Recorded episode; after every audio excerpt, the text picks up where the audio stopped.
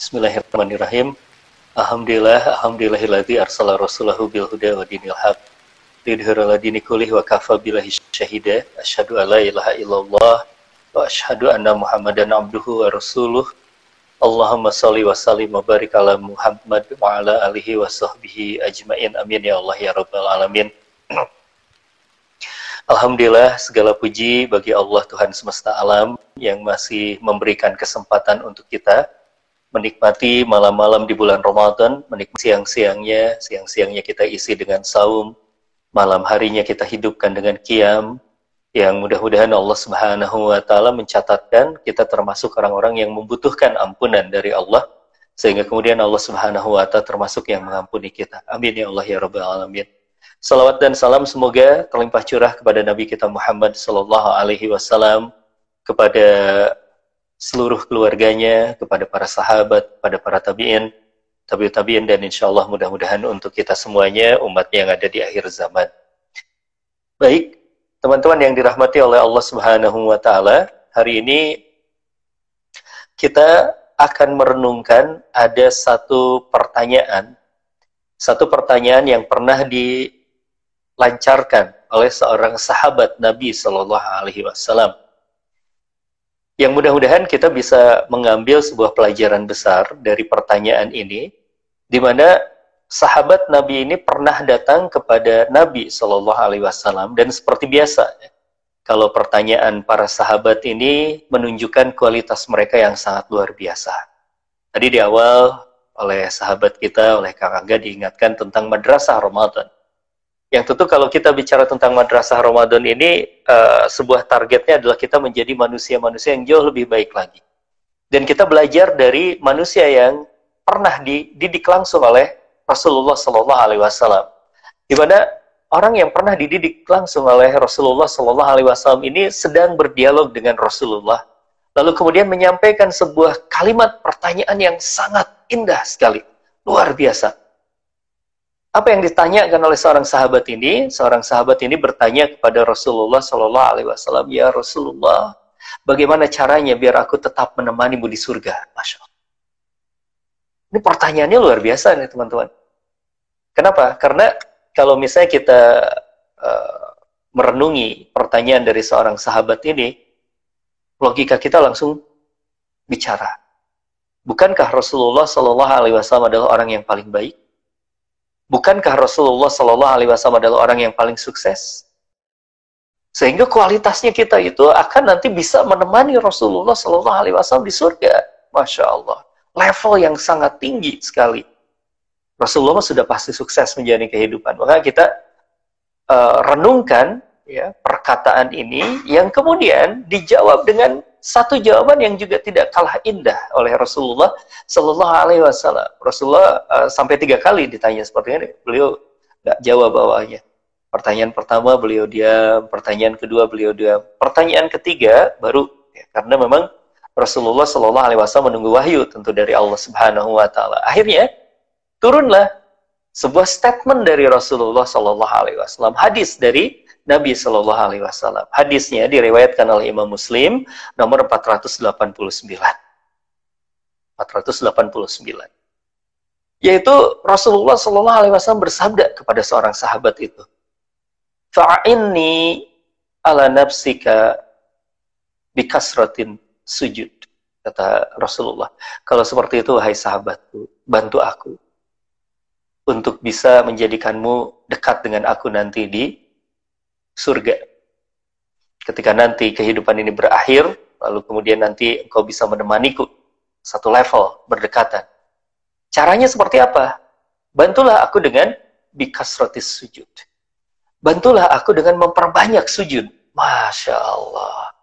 Memperbanyak sujud. Ini yang akan membuat kita dekat dengan Nabi Shallallahu Alaihi Wasallam. Kayaknya tidak heran di malam hari ini kita memberi sebuah judul tentang jiwa Ya, bagaimana kita bisa memulainya dengan jiwa kita.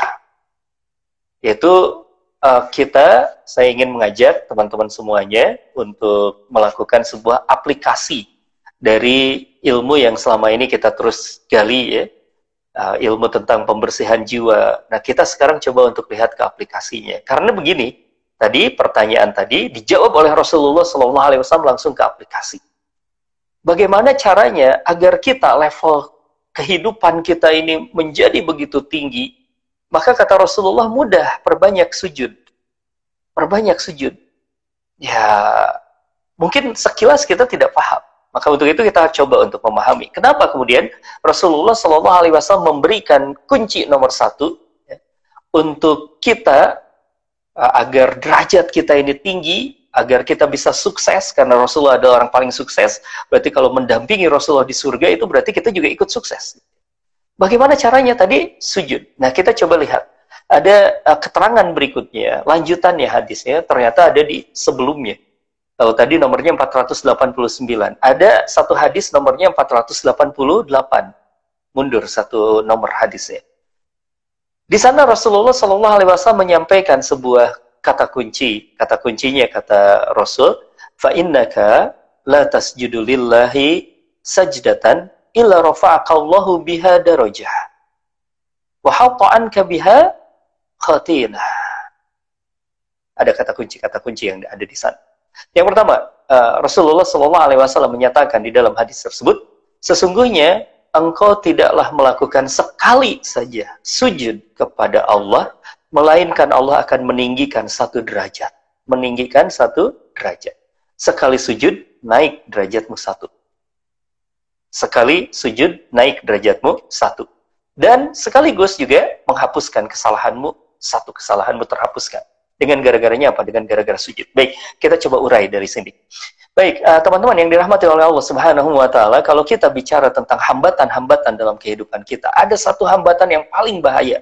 Saya berulang-ulang kali menyatakan tentang hambatan yang paling berbahaya ini. Apa itu hambatan yang paling berbahaya? Itu dosa dan kesalahan kita. Dosa ini akan menjadikan kita berjarak dengan Allah. Dosa ini akan menjadikan uh, hubungan kita dengan orang-orang soleh menjadi bermasalah. Dosa ini akan menjadikan kita dengan anak-anak kita nggak nyambung nanti.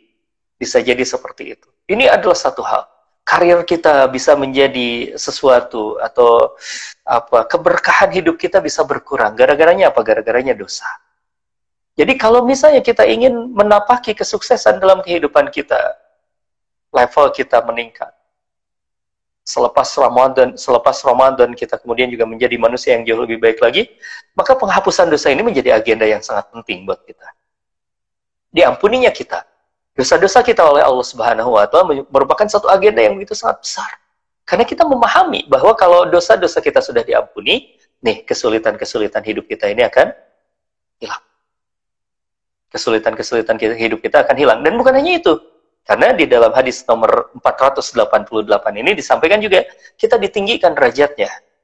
Kita ditinggikan derajatnya. Berarti kalau ditinggikan oleh Allah Subhanahu wa taala derajatnya di seluruh dimensi ilmu kita akan ditambah oleh Allah, kesabaran kita akan ditambah oleh Allah, derajatnya kita, derajat manfaatnya kita di tengah masyarakat akan ditambah oleh Allah Subhanahu wa taala. Ternyata kata kuncinya apa? Sujud. Sujud. Nah, mari kita coba untuk uh, urai tentang sujud itu sendiri. Kenapa kemudian sujud ini menjadi kata kunci yang begitu sangat luar biasa?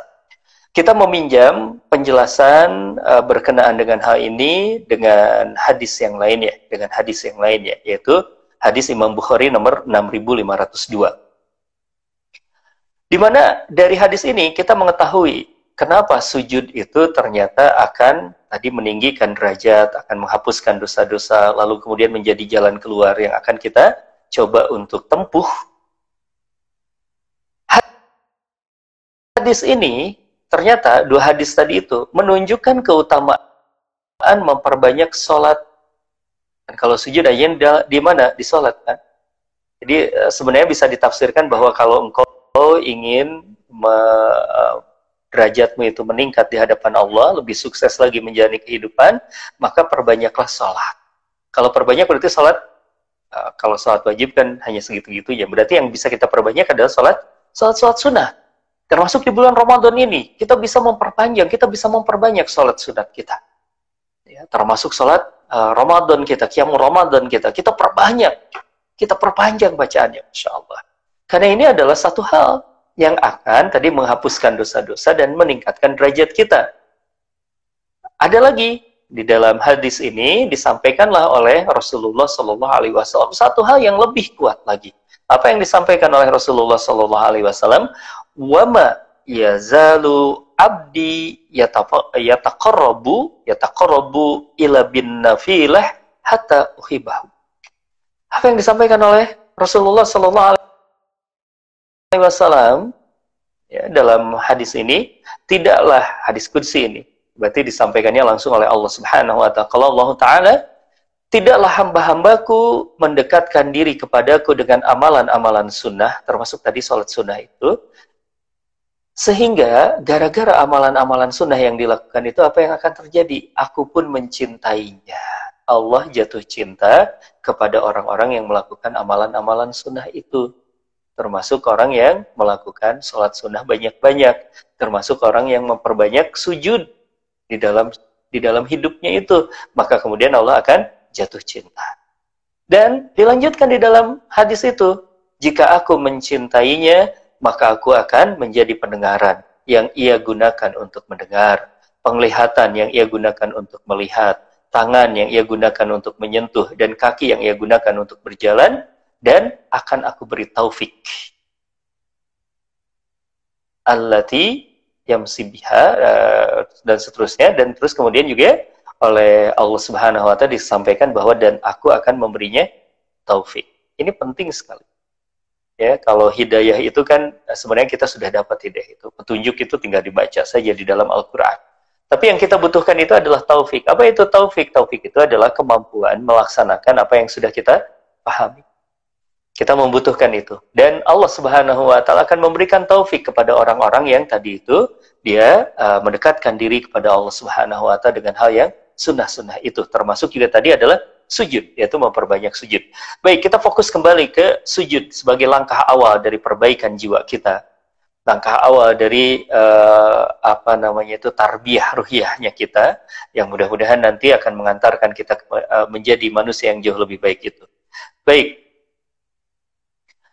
kita coba untuk bedah tentang sujud tersebut. Yang pertama, kalau misalnya kita lihat dari tiga hadis tersebut, ada beberapa prinsip. Pertama adalah, hidup itu akan mudah kalau kita dicintai oleh Allah.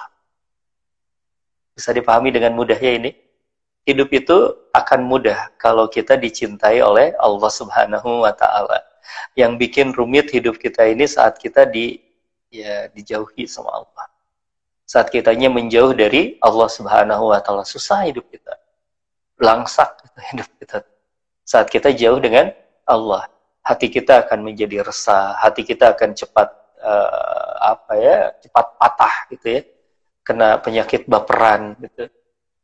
Kemudian juga uh, tidak terkendali hidup kita kalau kita jauh dengan Allah Subhanahu wa taala. Tapi kalau kita dicintai sama Allah Subhanahu wa taala, maka kita akan tadi itu tuh dibimbing, diberikan taufik oleh Allah Subhanahu wa taala. Jadi ini satu prinsipnya bahwa hidup itu akan mudah kalau dicintai oleh Allah Subhanahu wa taala. Apa aplikasinya dalam kehidupan kita?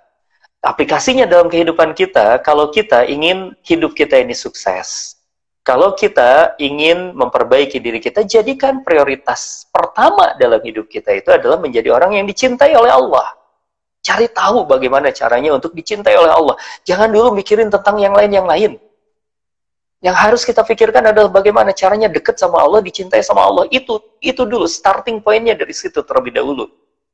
Starting pointnya dari situ terlebih dahulu. Bagaimana caranya? Kita coba cari tahu. Bagaimana jalan orang-orang yang dicintai oleh Allah Subhanahu wa taala dan kita ikuti jalan orang-orang yang dicintai oleh Allah ini. Karena kalau kita sudah dicintai oleh Allah, aman hidup kita aman hidup kita. Dan ini yang kita inginkan, kehidupan yang mudah. Secara fitrahnya kita tuh ingin, kita tuh kehidupan yang mudah. Kita inginkan seperti itu. Nggak ada orang yang nantang-nantang ke sama Allah. Ya Allah, kasih aku kehidupan yang lebih sulit lagi dari inilah. Gitu. Nggak ada. Secara uh, secara jiwa kita, kita ingin hidup yang mudah.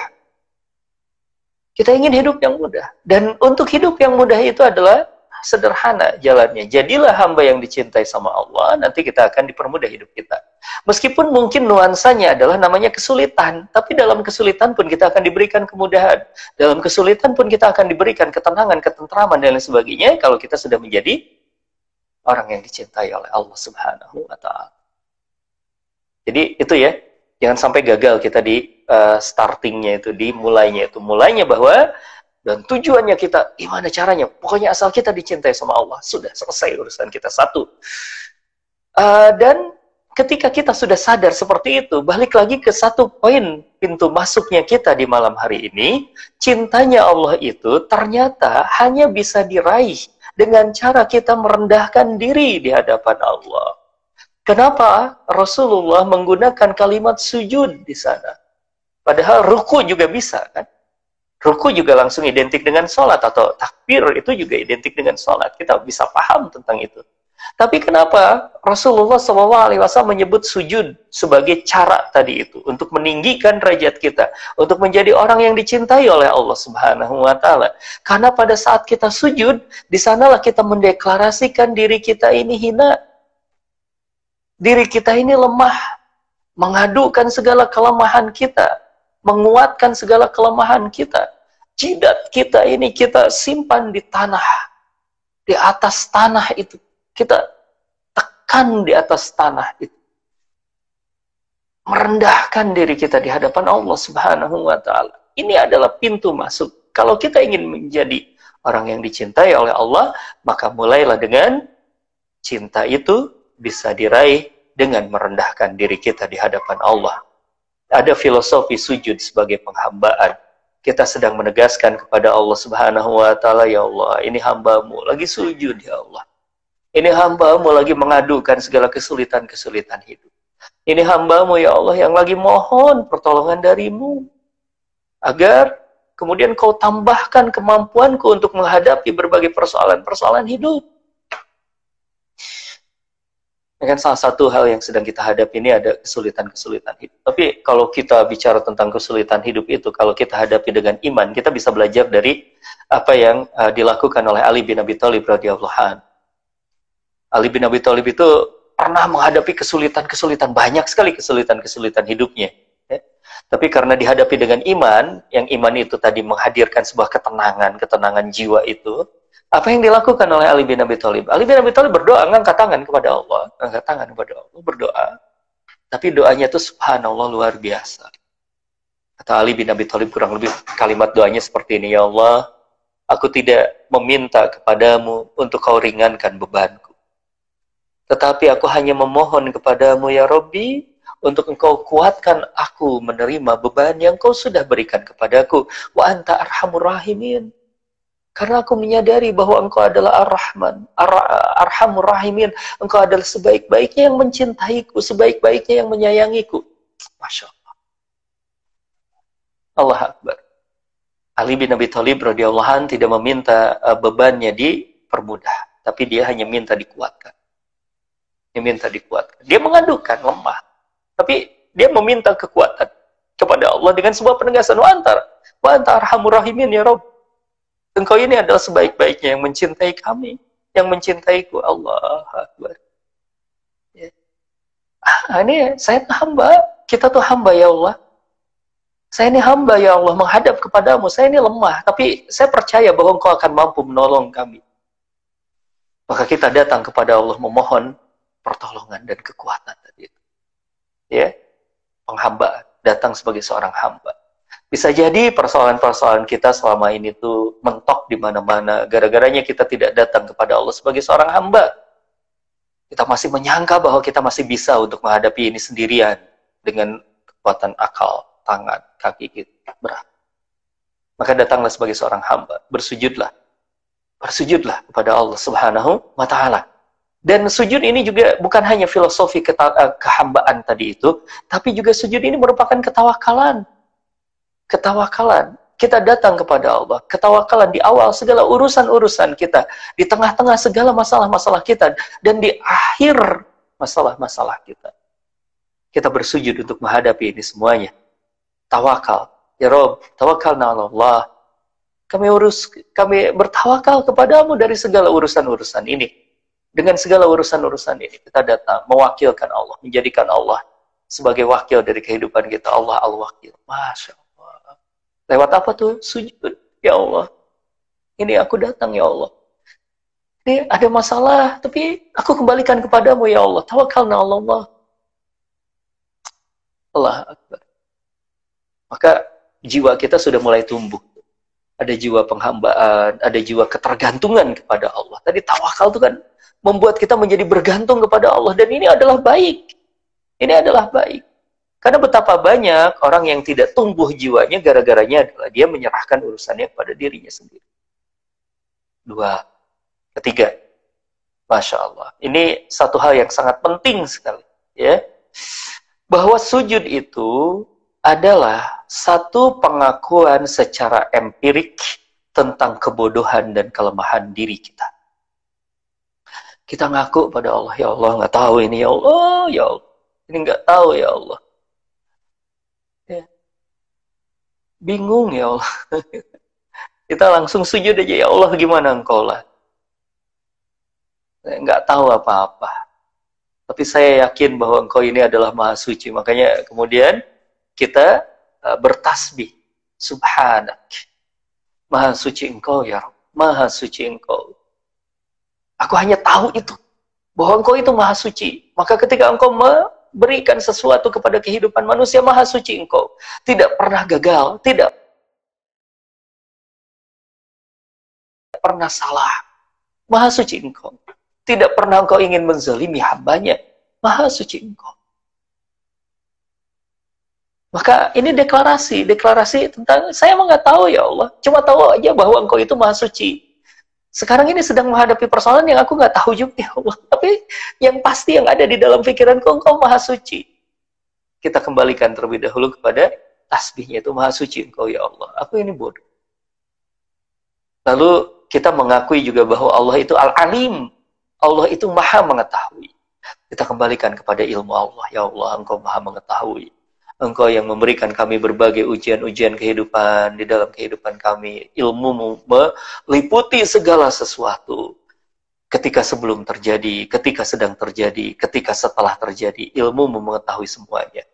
Maka kita ketika bersujud itu mengakui maha maha uh, mengetahuinya Allah Subhanahu wa taala sambil kita adukan ya Allah, saya mengetahui apa-apa ya Allah.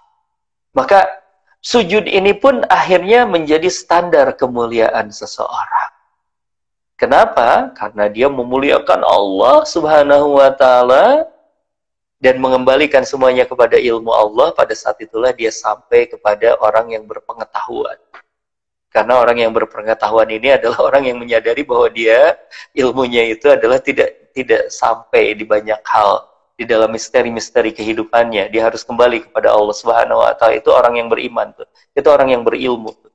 Mengetahui bahwa eh, satu cara untuk menghadapi kehidupan itu adalah kembalikan dulu kepada ilmunya Allah. Baru nanti minta bimbingan. Masya Allah. Ya. Sehingga makin khusyuk sujud seseorang, dia akan makin santun kepada Allah. Makin rendah hatinya di hadapan manusia. Tambah mulia dan kedudukannya di hadapan manusia karena dia uh, menjadikan dirinya itu menjadi orang yang tidak tahu di hadapan Allah Subhanahu wa taala. Dan baik kita karena dari awal saya ingin menjadikan uh, kajian malam hari ini adalah lebih aplikatif lagi. Ada satu hal efeknya setelah kita merasa tidak tahu. Ada sebuah hal yang kalau kita uh, menelusuri teori-teori pengembangan diri manusia, ya, ada satu prinsip merasa tahu itu adalah sumber masalah. Tuh ya. Kalau tahu itu harus, tahu itu mulia, ilmu itu mulia. Kita tahu sesuatu itu mulia, tapi merasa tahu sumber masalah. Merasa tahu itu sumber masalah ya. Merasa tahu itu adalah tanda ketidaktahuan itu sendiri. Merasa tahu tanda ketidaktahuan, merasa tahu. Akhirnya kenapa? Karena ketika seseorang merasa tahu, dia akan menutup dari informasi. Dia melakukan yang ngarang, menghadapi hidupnya ngarang. Padahal dia salah. Jadi merasa tahu itu adalah ketidaktahuan itu sendiri dan penghalang ilmu. Penghalang ilmu. Ilmu gak bakalan masuk kepada orang-orang yang merasa tahu, merasa sudah tahu. Gak bisa dikasih tahu. Nah, sujud itu adalah lambang. Tadi kan mengatakan bahwa dalam sujud itu berarti dia pengakuan di hadapan Allah bahwa dia tidak tahu. Begitu pula di hadapan manusia. Di hadapan manusia dia akan menyingkirkan perasaan yang merasa taunya itu. Sehingga muncul sifat apa? Pembelajar. Ini mulai aplikasinya. Seorang yang sujudnya benar, maka dia akan menjadi pembelajar. Allahu wa Rasul a'lamu. Gitu ya. Allah dan Rasulnya lebih tahu, kami nggak tahu apa-apa ya Rasul, tolong kasih tahu kami, enak. Gitu. Ya. Makanya kemudian Rasulullah mudah sekali membentuk para sahabat itu dan mercusuar akhirnya. Mereka menjadi mercusuar uh, dakwah, mercusuar peradaban. Berhasil dididik oleh Nabi Shallallahu Alaihi Wasallam karena memiliki sikap mental tadi sujud, sikap mental yaitu terbuka pikirannya itu karena dia menganggap bahwa banyak sekali yang harus dia pelajari. Jadi uh, mental orang yang sujud seperti itu ya ini uh, ini ini ini aplikasinya dalam kehidupan kita. Ya kan sering kali kita berkata bahwa sujud ini menghilangkan kesombongan. Uh, aplikasinya seperti apa? Orang sombong tuh nggak mau dengar nasihat kan. Orang sombong itu akhirnya menutup dirinya dari ilmu. Nah di sini kita mulai masuk ke sana ya. Bagaikan padi ya semakin berilmu ya, peribahasanya di kita semakin berilmu seorang semakin merunduk dia di hadapan manusia. Oh, masuk akal masuk akal sekali. Baik nah uh, dari sujud menuju ilmu. Dari ikra kemudian mendapatkan sebuah semangat ilmu. Akhirnya hadirlah sifat apa? Sifat ulul albab. Orang yang berilmu orang yang berilmu. Yang kalau kita uh, lihat ya baca di dalam ayat-ayat tentang ulul albab itu luar biasa. Tentang ulul ilm tentang orang-orang ahli ilmu itu adalah alladzina yadhkuruna qiyama wa qu'udan wa ala junubihim. Terus seperti itu duduknya diamnya dia segala macamnya. Dia terus berpikir ya mencari ilmu menelaah meneliti. Wah Allah ini kemajuan yang sangat luar biasa sekali. Sampai kemudian sampai kepada sebuah kesimpulannya rabbana ma khalaqta hadza batila subhanaka faqina sifat-sifat ulul ilmu itu muncul ya. Ini juga mengingatkan kepada kita bahwa peradaban ini harus dibangun atas dasar ilmu. Dan dasar ilmu itu hanya bisa diraih oleh orang-orang yang tadi sudah memiliki sujud dengan benar ya. lalu kemudian Allah Subhanahu wa taala akan memberikan sesuatu kepada orang tersebut. Apa sesuatu yang diberikan oleh Allah Subhanahu wa taala? Kemuliaan ilmu. Kemuliaan ilmu yaitu diangkat derajatnya di hadapan manusia ya diangkat derajatnya di hadapan manusia. Kita coba telah satu ayat hari ini. Di dalam surah uh, Ali Imran ayat ke-18, Allah Subhanahu wa taala berfirman, A'udzubillahi minasyaitonirrajim. Syahidallahu annahu la ilaha illahu wal malaikatu wa ulul ilmi qaimam bil qist. La ilaha illahu wal azizul hakim. Kata ayat tersebut ya Allah menyatakan bahwa tidak ada Tuhan melainkan Dia yang berhak disembah, yang menegakkan keadilan, yang para malaikat dan orang-orang yang berilmu juga menyatakan yang demikian itu. Allah Akbar. Coba perhatikan redaksi kalimatnya ini.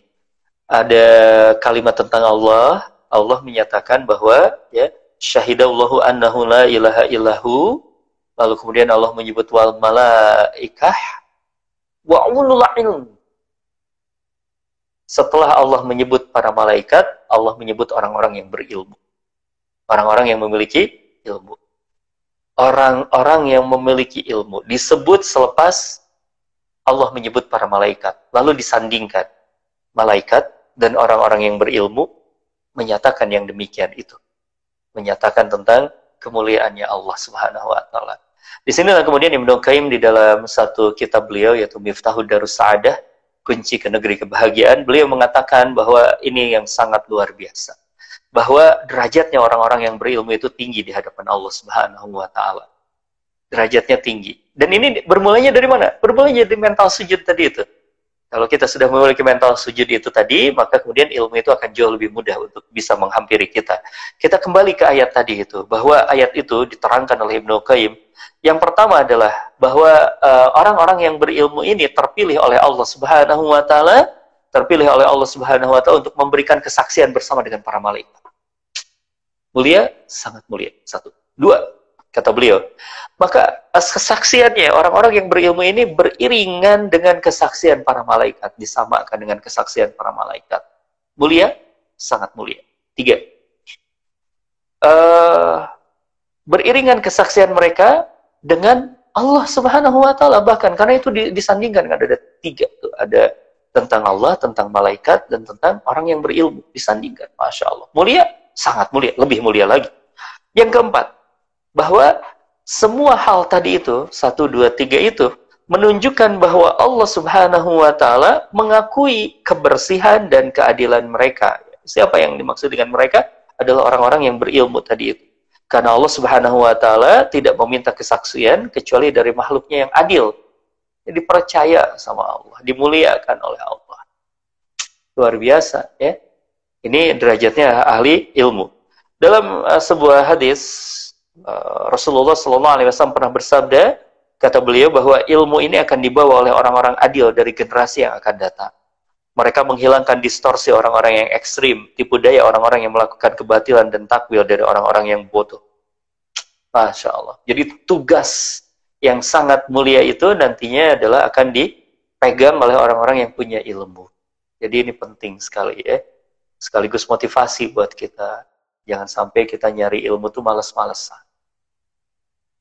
Dan tadi barangkali sih, kalau misalnya kita melihat ke satu alur ya yang kita pelajari di malam hari ini, kenapa ada orang yang tidak begitu mencintai ilmu karena sujudnya belum benar. Dari sujud itu kita merasa tidak tahu, dari merasa tidak tahu nanti Allah akan angkat derajat kita. Masya Allah. Ya itu baru empat. Kelima ada lagi uh, tafsiran tentang ayat tadi oleh Ibnu Qayyim di dalam uh, Miftahul Darus Sa'adah. Yang kelima, Allah menyebut mereka sebagai orang yang berilmu yang menunjukkan bahwa mereka benar-benar orang yang berilmu, bukan sekedar kiasan. Jadi langsung dipujinya oleh Allah. Langsung Allah yang muji. Kalau Allah yang muji, wah itu udah sangat mulia lah. Yang keenam, Allah bersaksi dengan dirinya sendiri dan dialah saksi yang maha agung kemudian dengan makhluk-makhluk yang menjadi pilihannya itu para malaikat dan orang yang berilmu. Hal ini menjadi cukup bukti kata Ibnu Qayyim bagi kemuliaan dan ketinggian derajat orang-orang yang berilmu. Baik ketujuh. Dengan kesaksian mereka orang-orang yang berilmu ini Allah membuktikan hal yang sangat agung, besar dan tinggi bahwa tiada Tuhan selain Allah. Ini kan pengetahuan yang paling tinggi. La ilaha illallah ini, la ilaha illahu ini. Dan ini ini hanya bisa ditegaskan oleh orang-orang yang berilmu. Nah, dari sini kita coba untuk uh, menarik sebuah kesimpulan bahwa kalau kita ingin menjadikan bulan Ramadan ini sebagai bulan tarbiyah, bulan pendidikan diri kita sekaligus juga di luar bulan Ramadan pun ketika kita ingin menjadikan diri kita ini jauh lebih baik, mulailah dari kebangkitan jiwa dan kalau kita ingin mendapatkan kebangkitan jiwa ini, mulailah dari sujud kita di hadapan Allah. Kita bersujud, kita tadi fahami sujud itu dari mana, sujud itu seperti apa, sujud itu ada penghambaan, ada ketawakalan, ada pengakuan ketidaktahuan kita. Dari sanalah kemudian bangkit sebuah semangat untuk berilmu. Dari semangat berilmu itulah kemudian Allah Subhanahu wa taala akan memuliakan kita. Masya Allah. Dan kalau Allah sudah memuliakan kita, sukses kita di kehidupan dunia, sukses kita di kehidupan akhirat kita ya. Dan ini yang kita inginkan. Jadi kalau bahasa gampangnya mungkin bahasanya teman-teman nih, ya, bahwa sujud itu bisa dijadikan life hack. Pengen lebih hebat lagi kita menjalani hidup, sujud. Pengen keluar dari persoalan kita, sujud. Pengen kemudian Allah memuliakan kita, sujud. Masya Allah. Dari mulainya dari sana terlebih dahulu. Jadi ini life hack nomor satu, sujud. Agar kita bisa menikmati kehidupan kita ini. Baik, Teman-teman yang dirahmati oleh Allah Subhanahu wa taala itu saja dulu untuk uh, satu materi pembuka buat kita ya. Dan silahkan bagi teman-teman, sahabat yang ingin bergabung, mungkin ada beberapa pertanyaan yang ingin disampaikan, silahkan boleh langsung disampaikan pertanyaannya, bisa langsung melalui uh, di kolom ini ya, di kolom ini silahkan bisa sebutkan komentarnya atau sampaikan komentarnya, nanti insya Allah mudah-mudahan kalau saya bisa jawab, saya jawab. Kalau enggak, Kang Angga yang jawab. silakan eh, teman-teman yang dirahmati oleh Allah boleh silakan teman-teman bisa bergabung ya untuk pertanyaan-pertanyaan ini sekali lagi kita uh, sedang mencoba untuk uh, memperbaiki diri kita mulai dari jiwa, mulailah dari jiwa dan mulai dari jiwa itu ada sebuah langkah untuk memperbaiki jiwa kita yaitu dengan cara kita memperbanyak sujud di hadapan Allah Subhanahu wa taala. Baik, silakan teman-teman masih cukup waktu ada sekitar 15 menit lagi untuk kita bisa bersama-sama ini Alhamdulillah ya kita sudah masuk di hari 16 besok. Alhamdulillah uh, sudah masuk ke hari ke-16. Uh, mudah-mudahan di setengah bulan Ramadan ini kita bisa menikmati, kita bisa menikmati, kita bisa sudah memperbaiki diri kita. Baru setengah perjalanan ya, baru setengah perjalanan. Baik, ada beberapa yang sudah bergabung. Alhamdulillah, termasuk ah. Kang Angga bergabung kembali. Alhamdulillah. Ya, kalau ya. Ustaz, ya Allah. Banyak. Ya uh, jadi apa namanya? Jadi motivasi terbaik untuk kita terkadang di kondisi saat ini tuh karena permasalahan corona dan lain-lain sebetulnya kita diberikan waktu yang sangat luas untuk punya kemerdekaan mengatur waktu untuk uh, mencari ilmu, untuk memperbaiki amalan, ya, masya Allah. Hal-hal yang terkadang kita lupakan. Betul betul. Allah sebenarnya Allah lagi ngasih banyak kesempatan kita buat sujud nih ya. Betul. Masya Allah, Akbar. Ada beberapa pertanyaan nih Ustaz. Yang Enggak, pertama enggak. dari Kang Banu apakah ada doa-doa terbaik saat sujud? Iya, baik. Uh, kalau misalnya kita lihat ke panduan-panduan ketika sujud, bacaan di sujud itu kan banyaknya adalah uh, bacaan tasbih, memperbanyak tasbih. Tasbih itu pada intinya kita menyebutkan subhanallah. Uh, dan subhanallah itu harus kita maknai. Subhanallah itu kan salah satunya adalah akan bisa membuat kita bahagia, Kang Ujang jadi ya, menarik ya kalau kita ingin bahagia itu banyak-banyak menyebutkan subhanallah. Tapi nah. benar nggak pas kita misalnya lagi punya persoalan, lagi ada masalah misalnya, lagi ada masalah sama istri, sama anak, terus kita menyebut subhanallah, selesai nggak persoalannya? Lebih tenang, Ustaz. minimal lebih tenang ya. Lebih tenang. Tapi sebenarnya bisa bisa selesai persoalannya kita. Gimana caranya bisa selesai? Karena ketika kita mengucapkan subhanallah uh, di dalam mindset kita ini ada sebuah hal bahwa yang maha suci mah Allah. Kitanya menjadi merdeka. Iya. seperti itu. Jadi ucapan subhanallah ini akan memerdekakan hati kita. Persoalan-persoalan kita juga seperti itu ya. Subhanallah. Ya, urusan apa pun ya subhanallah hanya Allah yang uh, maha suci ya. Semua yang diciptakan oleh Allah tidak tidak lepas dari yang namanya kekurangan. Masya Allah. Luar biasa ya. Mudah-mudahan ini bisa menyembuhkan kita dengan kalimat itu. Subhanallah. Jadi kalau ada jadi kalau ada yang sambil zikir ya sedih Masya Allah. Kita isi subhanallah sambil kita ngadepin persoalan itu ya Allah subhanallah. Insya Allah Allah akan berikan jalan keluarnya ya. Masya Allah. Masya Allah. Ada pertanyaan kedua nih Ustaz. Ya. Uh, Assalamualaikum Ustaz dari Mas Nov. Bagaimana tanggapan ya, Ustaz dengan banyaknya orang-orang yang berilmu tapi belum bersujud yang tampaknya mulia di mata manusia? Hmm. Iya, Baik, pertama adalah uh, kita tidak dalam kapasitas untuk mengomentari orang lain. Ya, jadi ini adalah uh, bahasan kita ini bukan bahasan buat orang lain ya, ini mau buat kita kita aja, buat kita kita aja. Jadi kita gunakan ini sebagai alat introspeksi buat diri kita.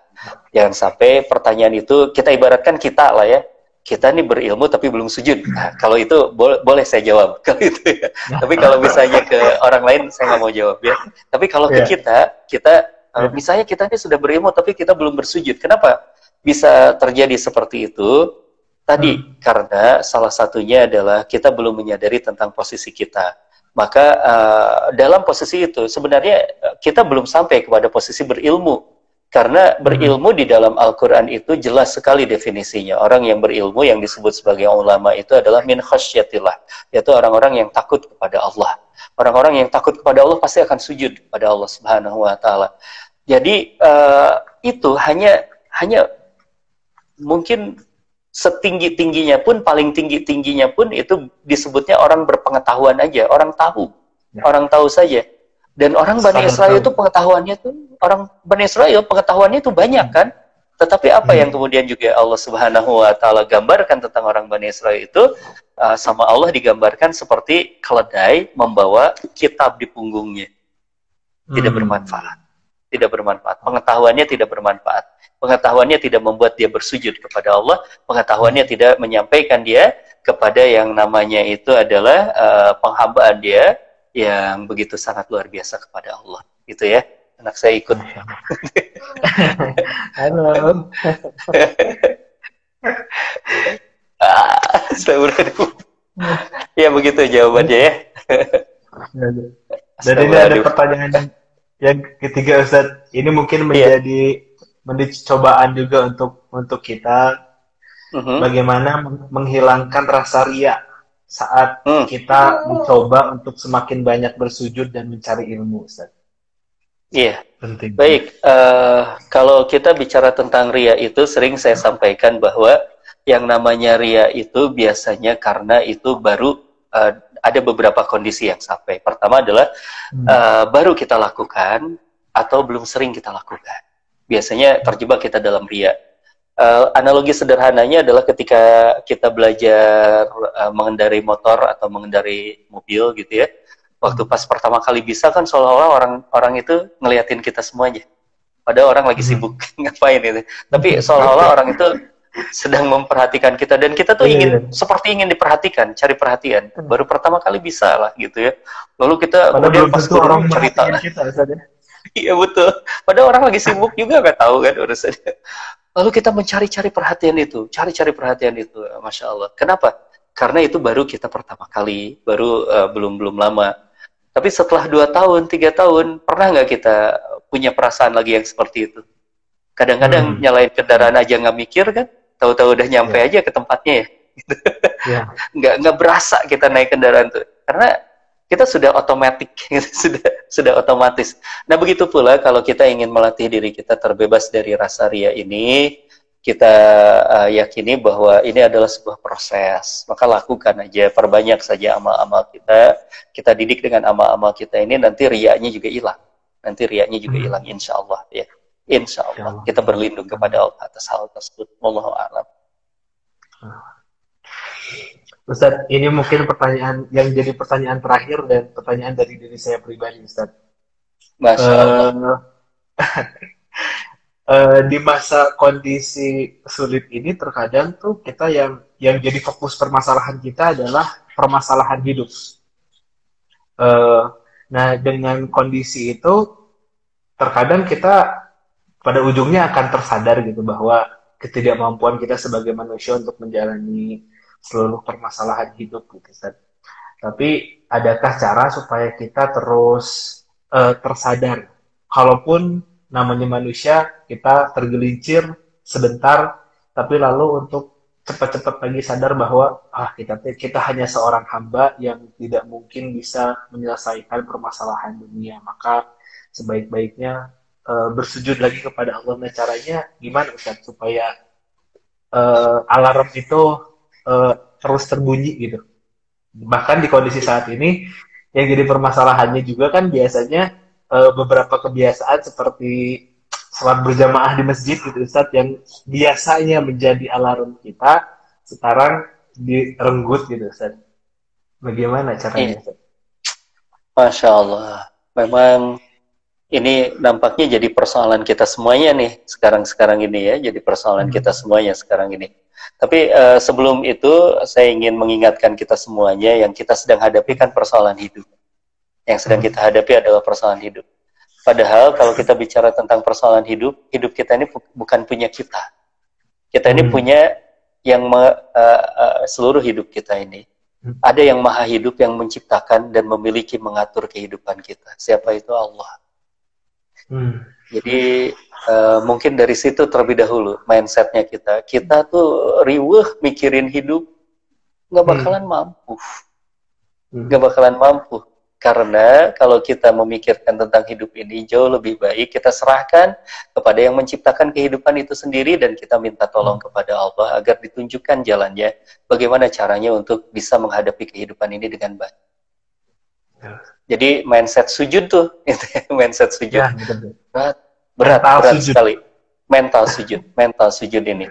Jadi ini adalah benar-benar merupakan dasar dari kebangkitan kita, yaitu kita miliki hmm. berawalah dari sujud itu sebagai tolaknya, titik tolaknya ya, uh, titik tolaknya titik untuk kita bangkit, awal. titik tolak awalnya untuk bangkit, kebangkitan ruhiyah, keluar kita dari berbagai persoalan-persoalan ini. Nah, termasuk juga uh, bagaimana caranya agar kita bisa senantiasa ingat, eh sujud kita ini kan, sujud hmm. kita ini bukan hanya di masjid, tapi juga di sholat-sholat hmm. sunat kita bisa kan. Maka untuk itu kita perbanyak sholat sunat-sunat kita, sholat sunat kita, dan resapi betul-betul. Terutama ketika hmm. sujud, lamain sujud kita.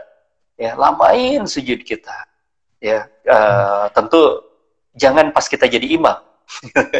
Kalau kita lamain di keluarga nih, kita jadi, jadi imam, lamain sujud. Seringnya kasihan. Anak-anak kasihan gitu ya. Atau tiba-tiba tidur deh. Maka miliki waktu-waktu kesendirian kita waktu-waktu kesendirian kita lamain sujudnya itu adukan segalanya kepada Allah. Dan ini kita bisa lakukan setiap hari. Di sinilah yang akan menjadi reminder kita nanti insya Allah. hmm. Ada persoalan sujud. Ada persoalan sujud. Selesai persoalan sujud lagi kan? Sujud apa? Sujud hmm. syukur. Mudah-mudahan ini bisa menjadi mental kita. Sepanjang jalan yang kita hadapi adalah jalan sujud.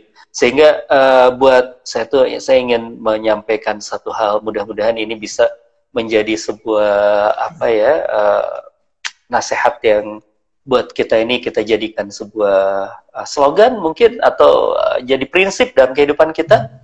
Mudah-mudahan kita punya dari mental sujud itu sebuah kondisi sebersih-bersihnya hati setinggi-tingginya ilmu, sehebat-hebatnya manfaat yang dimulai dari serendah-rendahnya posisi kita di hadapan Allah.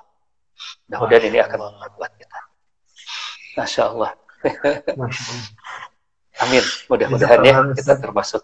Wah iya. Insya Allah. Insya Allah. Barakallahu fiqh. Jazakallah Ustaz. Oh, iya. uh, terima kasih atas segala pengingatnya pada malam hari ini. Uh, semoga Allah selalu menjaga uh, keberkahan dan kesehatan Ustaz dan sekeluarga. Amin untuk, ya Allah. Amin. Uh, bisa selalu menebar, menebar manfaat untuk kami Ustaz. Amin ya Allah. Amin ya Allah. Amin. Uh, mungkin untuk uh, sebagai akhir dari Vitamins series ini, kalau boleh minta kita tutup dengan doa Ustaz. Siap, insya Allah. Semakin memperkuat rohaniah kita. Baik, untuk itu teman-teman yang dirahmati oleh Allah Subhanahu wa taala, mari kita berdoa kepada Allah Subhanahu wa taala. Kita minta kepada Allah Subhanahu wa taala, kita yakini dan kita sadari bahwa diri kita ini lemah. Dan kita yang lemah datang kepada Allah yang Maha Kuat. Kita yang hina datang kepada Allah yang Maha Mulia. Kita yang fakir datang kepada Allah Subhanahu wa taala yang memiliki semesta raya ini. Maka kita akui segala kelemahan diri kita itu. Yang dengan kelemahan itu kita merangsek datang kepada Allah, mengadukan segala kesulitan-kesulitan hidup kita, mengadukan segala urusan kita kepada Allah, ya Rabbana, Engkau yang maha melihat kami, ya Rabbana, Engkau yang maha mendengarkan kami, ya Rabbana, Engkau yang senantiasa memelihara kami tanpa sedikit pun celah, ya Rabbana. Ya Rabbana ilahana, maka untuk itu kami memohon kepadamu. Kami datang kepadamu ya Rabbana, Allahumma salli wa sallim wa barik ala Sayyidina Muhammad wa ala ali wa sahbihi ajma'in. Ya Rabbana ilahana, Ya Rabbi lakal hamdu kama yanbaghi li jalali wajhika wa azimi sultanik. Ya bagimu segala pujian, Engkau yang maha terpuji dengan segala perbuatan. Engkau yang mulia dengan nama-namamu yang indah. Engkau yang senantiasa tidak pernah meninggalkan kami ya Rabbana. Ya Rabbana, kamu kami akui segala kelemahan kami di hadapan. Kami akui segala kelemahan kami ya Rabbana. Kami akui segala apa yang telah kami lakukan di hadapan mata yang kerap kali berkhianat, tangan yang kerap kali tidak semestinya, lisan yang kadang-kadang tidak terkendali. Tetapi kami pun menyadari dan melihat bahwa Engkau senantiasa terus memberikan kesempatan kepada kami. Engkau yang masih terus memberikan kami kehidupan. Maka kami senantiasa memelihara prasangka baik kami kepadamu ya Rob. Ya Allah, Maha Suci Engkau atas segala perbuatan Maha suci engkau atas segala takdir-takdirmu ya Rob. Maka untuk itu sucikan hati kami, bersihkan hati kami ya Rob. Fahamkan hati kami ya Robbana terhadap segala kesucianmu. Hingga kami menjadi ridho terhadap apa pun yang kau berikan kepada kami. Atau minimal kau berikan kesabaran kepada kami ya Rob yang dengan kesabaran itu ya Robbana, lalu kami bisa terus menerus kau berikan pertolongan dalam lemah kami. Hingga tiba kami kepada lapangnya jiwa kami dan sampai kami kepada ridho kepadamu ya Rob. Seperti kalimat yang sering kami ucapkan, Rodi itu billahi rodda. Robi Rodi itu billahi Kami ridho kepadamu ya Rob. Engkaulah yang maha mencipta Engkaulah yang maha mengatur urusan kami. Engkaulah yang menciptakan kami dan mengurus kami, ya Rabb. Maka kami pasrah. Maka kami tawakal. Maka kami ridho terhadap apa pun yang kau lakukan. Kami ini milikmu, terserah engkau, ya Allah. Asalkan kau masih ridho kepada kami, kami tidak peduli apa pun yang kau berikan. Asalkan kau kemudian kelak memasukkan kami ke dalam golongan hamba-hamba yang kau ridhoi. Kami nggak peduli apa pun yang kau berikan pada kami. Maka kami tidak meminta kepadamu ya Robbana agar diringankan beban ini, tapi kami diminta kepadamu. Kami meminta kepadamu agar dimampukan kami menghadapi ini semuanya. Wa anta arhamur rahimin. Wa anta arhamur rahimin. Wa anta arhamur rahimin. Karena kami mengimani Engkau adalah sebaik-baiknya yang mencintai kami. Dan kami menyadari bahwa Engkau tidak pernah memberikan beban. Tidak pernah memberikan beban yang kami mampu untuk menghadapinya, ya Rob. Kami saja yang lemah. Maka untuk itu, ya Robbana, kuatkan kami. Tambahkan sabarnya kami. Tambahkan ilmunya kami. Tambahkan keterampilannya kami, ya Robbana. Dukung kami, ya Robbana dengan kekuatan hati kami wa anta arhamur rahimin ya Rabbana ilahana kami memohon kepadamu ya Rob berikan kepada kami kemampuan untuk bisa mengambil hikmah dari setiap kejadian ya Rabbana dari setiap kejadian ya Rabbana sehingga dari segenap kejadian itu kami semakin dekat kepadamu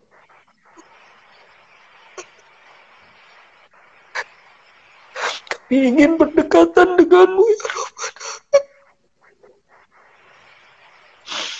Jangan biarkan persoalan ini membuat kami semakin jauh darimu. Jadikan dengan persoalan ini membuat kami semakin dekat kepadamu. Karuniakan sakinah ke dalam hati kami ya Rob. Sakinah tenang di dalam badai, tentram di dalam ujian, optimis di dalam berbagai kesulitan ya Rabbana. Karena kami bersamamu. Engkau membersamai kami. Maka tidak ada persoalan yang berat ketika engkau mendampingi kami, menemani kami. Ya Rabbana, engkaulah sebaik-baiknya Engkaulah sebaik-baiknya pelindung dan pembela, maka cukupkan hati kami denganmu ya Rob. Cukupkan hati kami denganmu ya Rabbana. Cukupkan hati kami denganmu. Hasrobi, has, hasbi Rob, hasbi Rob, hasbunallah wa ni'mal wakil. Ni'mal maula wa ni'mal nasir. Allahumma lakal hamdu wa ilaikal mustaka wa anta musta'an wa la haula wa la quwwata illa billahil aliyyil azim Ya Allah, bagimu segala pujian. Hanya kepadamu ya Rob, kami adukan segala kesulitan, segala kesedihan kami ini. Hanya kepadamu. Wa musta'an dan hanya kepadamu ya Rob kami minta pertolongan. La haula wa la quwata illa billahil aliyil azim. Kami akui lemah minka. Ya Rabbana. Kami akui lemah diri kami ya Rabbana. Maafkan kami ya Rabb. Yang mungkin selama ini kami merasa diri kami kuat kami merasa diri kami mampu sehingga kami menjauh darimu ya Rob.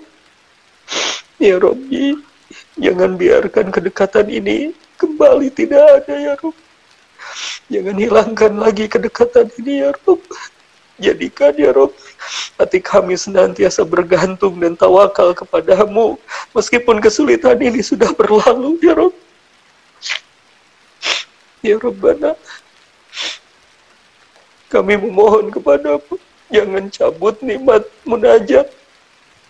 Jangan cabut nikmat kami bertawakal kepadamu. Jangan cabut ya Rabbana, nikmat kami bergantung sangat erat kepadamu.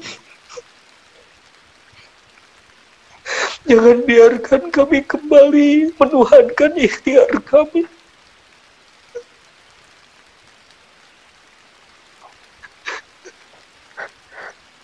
Jangan kembali kau biarkan kami menuhankan fasilitas itu.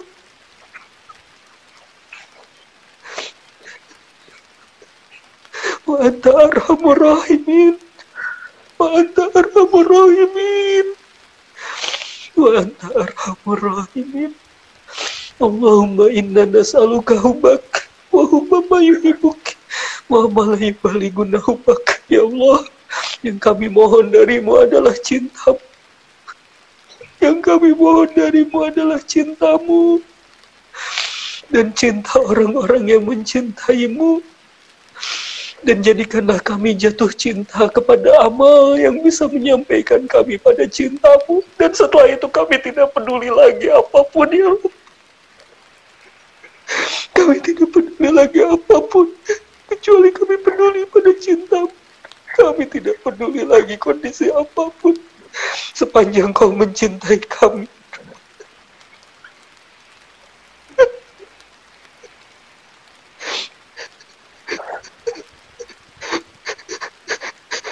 Rabbana La tujik kulubana Badain hadaitana Wa hablana min ladunka Innaka antal wahhab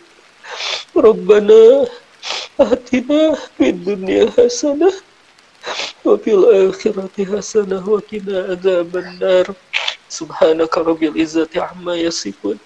Salamun ala mursalin. Alhamdulillahi rabbil alamin. Wa